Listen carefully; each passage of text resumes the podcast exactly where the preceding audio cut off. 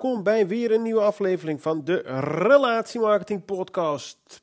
Bling, blong, blong, bling. Mijn naam is Hans Breuker en vandaag ga ik het met je hebben over e-mail. Je zou denken, e-mail? Echt? Moet ik er naar luisteren? Ja, weet je waarom? Omdat ik 32 redenen heb beschreven waarom ik zo bezeten ben van e-mailmarketing op het gebied van relatiemarketing en waarom jij dat ook zou moeten doen. Toegegeven, er zit ook een sales component in en er zit ook een groeicomponent in. Dus als je niet wil groeien als bedrijf en als je niet houdt van sales en als je niet wil dat je een klantenbinding hebt, stop dan meteen maar luisteren.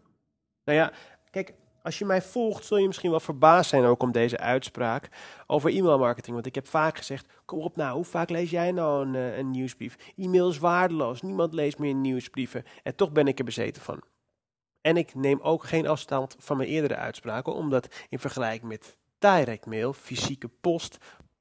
Even kijken waar ik gebleven was. Dus als je mij volgt, zul je misschien wel verbaasd zijn om de uitspraken over e-mailmarketing. Want ik heb al heel vaak gezegd: hoe vaak lees jij nou nog een nieuwsbrief? Of e-mail is absoluut waardeloos. En daar neem ik ook geen afstand van. Um, want dat is in vergelijking met fysieke direct mail, post poststukken, enveloppen met een bobbel. Dat is 100% oogbal. Bijna 100% gegarandeerd als jij een direct mailing stuurt naar een persoon, business to business, dan ontvangt hij die en kan hij die lezen. En dat heb je niet met e-mail. Gemiddelde e-mail open rate is 20%. Dus 1 op 5 leest het. Maar goed, 1 op 5 is altijd meer dan 0.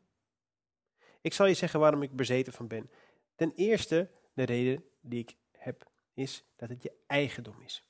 Ik vind het absoluut verschrikkelijk om afhankelijk zijn van anderen. Dus dat is ook een van mijn uh, redenen waarom ik mijn eerdere artikels zei, waarom SEO, de Search Engine Optimization, zo stupide is. E-mail heb je namelijk vooral zelf in de hand. Je beschikt zelf over je database, wat je erin zit en wanneer je het verstuurt. Dit in tegenstelling tot social media of adverteren. 2. Geen concurrentie op klantenbinding.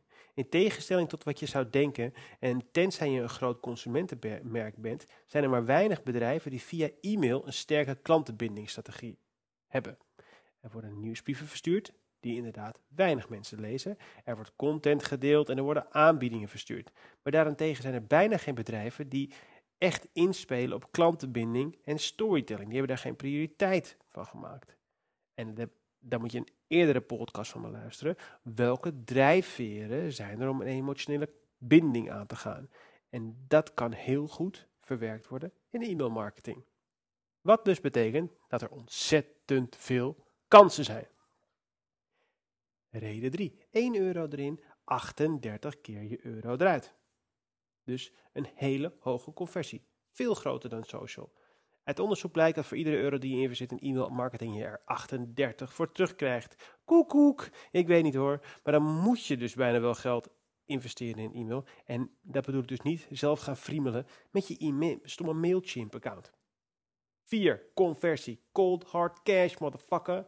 Je kunt met fantastische koopij en een dodelijke mix tussen prijs, product en promotie keihard conversie neerkletteren. Met andere woorden, naast je klantenbindingproces kun je direct verkopen. 5. Een funnel. You cannot escape me. Je kunt aan je bedrijf werken in plaats van in de waan van de dag, bijvoorbeeld door een aantal e-mails te laten schrijven en die in een zogeheten funnel te plaatsen. Dat betekent dat iedere nieuwe relatie, een klant of een prospect op één volgende mailings van jou ontvangt.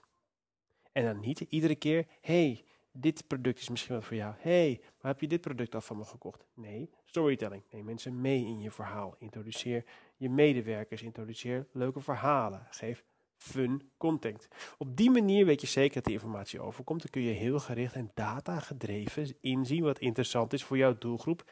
En op die manier werken aan klantenbinding en uiteindelijk conversie. 6. Klantenbinding. Emotionele drijfveren zorgen voor hogere winst.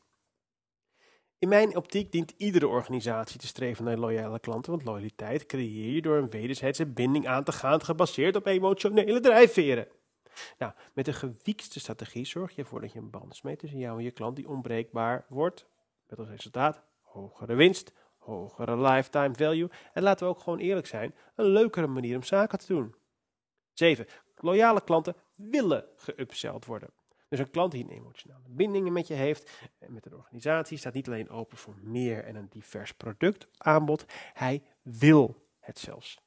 Dat komt omdat er een band is tussen het merk en de mens. En als je die band eenmaal hebt, dan wil je dat merk vaker in je leven. Ja, zelfs met e-mails. Loyale klanten willen namelijk van je horen. Reden nummer 8. Als ik mijn werk goed doe, heb jij als eigenaar of organisatie een band met je klant en is hij oprecht geïnteresseerd in wat er met jou gebeurt.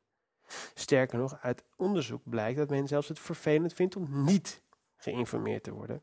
En dat kan zelfs een reden zijn om de band te verbreken. Er is niet zoiets als overexposure.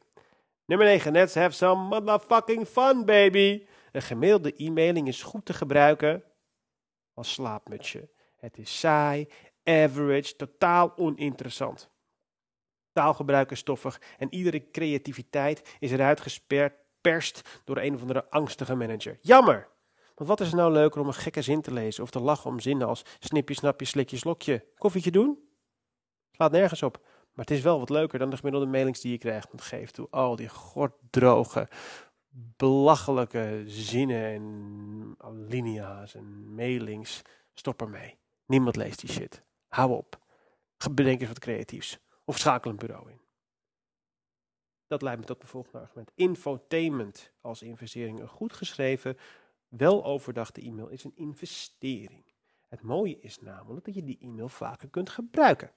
Iedere nieuwe prospect of klant in jouw database krijgt dezelfde mailings waarin jij eenmalig hebt geïnvesteerd, zoals de funnel. Het is een soort van onroerend goed, die mailings. Reden 11. Geen contextuele afleiding. Je advertentie op pagina 15 in de Linda of 63 is net zo goed als het bladprogramma, post of platform eromheen. In andere woorden, jouw advertentie kan geplaatst worden naast een artikel over depressie of ergens achter in een magazine. Of je kunt net tijdens een ander Instagram filmpje waarbij net eh, een hond zijn eigen poep opeet. En dan kom jij voorbij met je tandpasta. Oh, misschien dat jij zo'n goeie. Dus het heeft geen content. Je e-mail is vaak heel erg alleenstaand, los van de rest. Het heeft geen context. Het wordt niet vervuild door allerlei randzaken waar jij dus geen um, invloed op hebt. Nummer 12. Missertje. Kan gebeuren. Kijk, met een direct mailing of een tv-spot of een prijzige advertentie, dan moet je eigenlijk wel scoren, want het is te duur om niet spot-on te zijn. Pun intended. Niet iedere e-mail hoeft spot-on te zijn. Dat is uiteraard wel het streven, maar het is niet erg als er een keertje eventjes eentje helemaal naast het doel vliegt. Distributie is zo goedkoop dat het dus niet erg is. Als je wel eens een schot mist. Hoi, Jan, Piet, Klaus, Laura, Mohammed, Cindy, Peter en 5897 anderen. Er is geen ander instrument dat een even groot gecontroleerd bereik heeft dan e-mail. Met een druk op de knop bereik je direct je hele doelgroep voor een laag budget. En direct mailing, fysiek, enige wat een grotere attentiewaarde heeft. Cheap, cheap, cheap. Het kanarielied. Als je investeert in een goede tekstschrijver die snapt wat klantenbinding is, Hans Brucker, kost een e-mail je hoogstens tussen de 250 en 500 euro. En dan heb je echt uitgepakt, hè? Maar als je dat nu leest en je denkt, jeetje, wat duur. Denk daarna of je een advertentie of website tekst wel zou laten schrijven. Het is omdat e-mail zo laagdrempelig voor ons is, hechten we er weinig waarde aan en vinden we het gek om ervoor te betalen. Maar, en tenzij je schrijver bent, het is niet jouw vak. Je bent geen goede schrijver. Maar als je dat wel denkt te zijn en je durft een mail te sturen naar jouw database, dat is een onterechte en waardeloze gedachte. Laat dat soort dingen aan professionals over. E-mail is veel waardevoller dan we denken. Reden 15 is een van mijn favoriete redenen. Facebook heeft het bereik voor een lode kogel. Ver boven de 90% van de e-mails komen aan dan is het aan jou en aan mij om te zorgen dat die zo leuk is dat mensen hem openklikken. Een organische Facebook-post naar de mensen die überhaupt al jouw bullshit Facebook-pagina hebben geliked, heeft een bereik van slechts 2%. Want Facebook zet vol in op intermenselijke content om de gebruikers langer op het platform te houden en maakt jouw post daarmee bijna onzichtbaar. Daarnaast ben je dus heel erg veel afhankelijk van contextuele afleiding naar wat er om jouw post heen gebeurt. Daarnaast is het zo dat je moet eerst de mensen jouw Facebook pagina geliked hebben. wat al bijna onmogelijk is. En zij moeten het zien. Met andere woorden, waar verspil je je tijd aan? Daarnaast is het ook nog eens een keer gewoon geen social media meer. Het is een ander woord geworden. Het is namelijk een advertentieplatform. Dus je moet ervoor betalen om bereik te krijgen. En dan, dan is het iets anders geworden namelijk. Dan is het namelijk new business geworden. Veel meer dan klantenbinding. Instagram heeft de houdbaarheid van een eendagsvlieg met zelfmoordneigingen. Reden nummer 16 de houdbaarheid van een eendagsvlieg met zelfmoordneigingen. Een e-mail kan bewaard worden en er kan vaker in worden gekeken. En ook wordt een e-mail aan zich nog steeds serieuzer genomen dan social media. Instagram is supersnelle vlugge content en wordt steeds vlugger. Sterker nog, jongeren bekijken normale posts niet eens meer. Ze tikken alleen maar vliegensvlug door de Insta-stories heen. Dat zie ik omdat influencers genoodzaakt zijn te laten zien dat ze nieuwe post hebben in hun stories, omdat men in de app te lui is om naar beneden te scrollen. En dus krijgen influencers geen likes meer. Je moet dus supersnel de aandacht grijpen. Daarnaast wil ik wel zeggen dat Instagram een goede manier is om aan klantenbinding te werken hoor. De stories zijn een sterke component om te bouwen aan je band met je consument. Maar voor B2B zijn ze niet altijd even geschikt. Daarnaast moet je ook heel veel maken.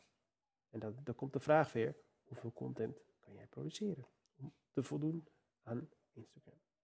Personaliseren. Hoi, ik hou van je. Wie opent dat nou niet? Oké, misschien dat is te overdreven. Maar e-mail kun je zo goed personaliseren dat de conversie duizelingwekkend omhoog knalt. Gepersonaliseerde e-mails scoren namelijk 26 beter. 26% beter qua opening. Reden nummer 18. De reis is het doel, niet de klik. En daar maken heel veel e-mailmarketeers de fout. Ieder mailtje wordt gewoon geoptimaliseerd voor conversie en voor kliks. En dat is dus niet wat je moet doen. Zeker niet als het gaat om klantenbinding. Een klant heeft een bepaalde reis voordat hij of zij iets bij jou koopt of een band met je aangaat. Het is niet alleen maar het doel om iedere mail en iedere klik te realiseren. Het is onderdeel van de customer journey. Een glimlach, een emotie is al een doel op zich bij iedere. Als je altijd alleen maar kijkt naar wat het oplevert, dan snap je ook een sales cycle niet. Reden 19. Leren, leren en nog meer leren. Iedere e-mail leert je over het gedrag van je doelgroep. En dat is een reden om erin te investeren, omdat jij als marketeer evolueert, of als organisatie evolueert, door iedere mail zo relevant mogelijk te maken. Wat een win-win situatie is, omdat jij zo beter begrijpt wat je doelgroep wilt en je doelgroep krijgt wat ze verlangen. Een interessant en continuerend onderdeel van e-mail marketing. Op de bank, wc of in de trein. E-mail wordt overal en op ieder ogenblik gelezen. Dat is niet anders dan social media. Maar je bent niet meer gebonden aan kantoortijden. Dat idee alleen al maakt mij enthousiast. Binnen een paar klikken kan er dus een interactie ontstaan. Je kan makkelijk een gesprek aangaan met een klant dan ooit. En de klant wil dat ook. Gesmeerd, gesegmenteerd, reden 21. Hoe specifieker, hoe beter, blijkt uit het onderzoek. Je omzet verbetert met een whopping 760% als je moeite doet om je klanten te segmenteren en er een goede campagne op los te laten. Voorbeelden daarvan zijn van mijzelf. Ik ben lid van de nieuwsbrief van de Bijenkorf en heel vaak ontvang ik jurkjes. Dan stuur ik stevast naar de Bijenkorf. Ik ben geen vrouw. Ik ben geen vrouw en ik ga ook geen jurkjes kopen voor mijn vrouw online. Dat zijn dingen dat je echt denkt, hoe moeilijk is het, mensen. Reden 22, Move Me Baby, video, muziek, et cetera, enzovoort. Sinds de start van de e-mail is behoorlijk wat veranderd. Video's in de mails zijn een goede manier om je klant te entertainen. En entertainen is het nieuwe e-mail marketing. Optimaliseer eer je begint. Test een aantal kopijregels. Bijvoorbeeld e-mailonderwerpregels en verstuur alleen de beste. Het is een kleine moeite en kan tot wel bijna 50% betere conversie opleveren. AB-testing is super voor optimale e-mailmarketing. En ik heb het niet alleen maar over conversie van ik wil dit product verkopen. Ik heb het ook over conversie is een open rate. Een open rate vind ik namelijk al een conversie. Dat is een beetje tegenstrijdig waarschijnlijk. En er zullen niet veel mensen met mij eens zijn. Maar als je heel veel mensen ziet dat het geopend wordt, dan weet je in ieder geval zeker dat de eerste kop en, en de eerste beetje alinea wordt gelezen. En op die manier heb je al heel veel mogelijkheden om een relatie met je klant aan te gaan. Het is goed uit te besteden. Reden 24. Lees delegeren. E-mail is makkelijk uit te besteden en dat is ook aan te bevelen. Ik zelf kan redelijk goed schrijven, maar het schrijven over mezelf laat ik liever een andere over, want dat is gewoon even de moeilijkste dingen die bestaan. Je kunt bijvoorbeeld je laten interviewen door iemand en die dat interview vervolgens uitwerkt. Dat is een hele originele, mooie en leuke manier die ik veelvuldig gebruik omdat interviews nou eenmaal ook veel lekkerder lezen. Maar als je van tevoren, omdat mensen, nou dat wil ik nog even zo zeggen. Want een interview leest lekker, omdat het op, nog steeds op die manier communiceren. Vraag, antwoord, vraag, antwoord. En dan op die manier converseren we. Dus is het ook lekker om op die manier te lezen. Gewoon een psychologisch dingetje. Als je van tevoren een goed plan schrijft, kost het je dus weinig moeite. Omdat je het kunt uitbesteden. Hoe lekker is dat? Reden 25. Er is een verborgen schat. Dat zijn namelijk transactionele e-mails. Zoals bedankt voor je aankoop, bedankt voor je registratie, meld je aan, hier is je paswoordwijziging.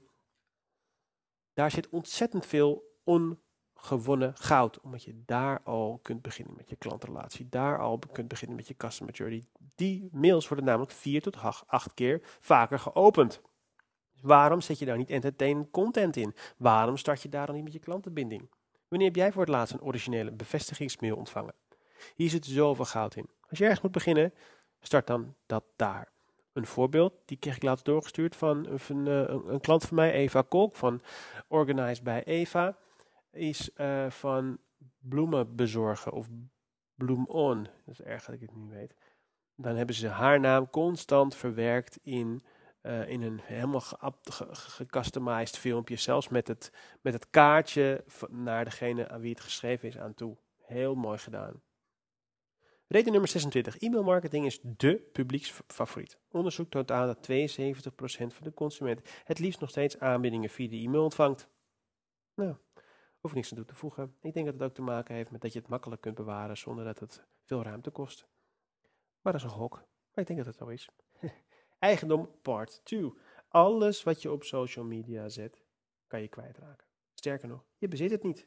Jouw e-mails daarentegen zijn van jou, kun je vaker gebruiken. Met social media posts is dat niet gebruikelijk. Daarnaast, wat gebeurt er als Facebook zegt: hey, ik zie iets wat niet klopt aan deze pagina, of Instagram, of Google. Uh, ik zet hem maar eventjes uh, offline. Bam, wat ga je doen? Je kan niks doen, want je bent afhankelijk van die partijen. Familiariteit en congruentie. Moeilijke woorden. Reden 29, 28 geluk. Sociale platforms begonnen, zoals de naam al doet vermoeden, sociaal. Maar pas later kwamen al die ellendige advertenties, die wij marketeers allemaal verpesten. Bij e-mails zijn we echter gewend aan advertenties en commerciële boodschappen inmiddels. Het is congruent met de omgeving. Veel meer dan een idiote gelikte Twix-reclame over een linker of rechterreepje tussen de filmpjes van je zusje en Lil Kleine op Instagram. Met andere woorden, het roept minder ergernis op als er een harde commerciële boodschap in een e-mail zit dan bijvoorbeeld bij de social media. Daar zijn we nog niet aan gewend. En um, e-mail is daar gewoon een geschikt kanaal voor. Het is minder leuk dan Instagram, maar het heeft meer kansen. Reden 29. Tja, het opstellen en het schrijven van een e-mail is nu eenmaal minder leuk dan een, cool, stoer Instagram storytje met kekke gifjes. De story is ook nog even sneller gemaakt en je kunt ook real-time bekijken of het filmpje tractie krijgt. Daar kan ik niet ontkennen. Ik vind dat zelf ook leuk. Je kan kijken hoeveel mensen het zien en elke keer zijn het dezelfde. Oh, oh, oh, wat zijn we lekker bezig. Maar het is eigenlijk een beetje schijnwerken. Aan de andere kant brengt het dus ook juist kansen met zich mee, want iedereen doet het namelijk op Instagram.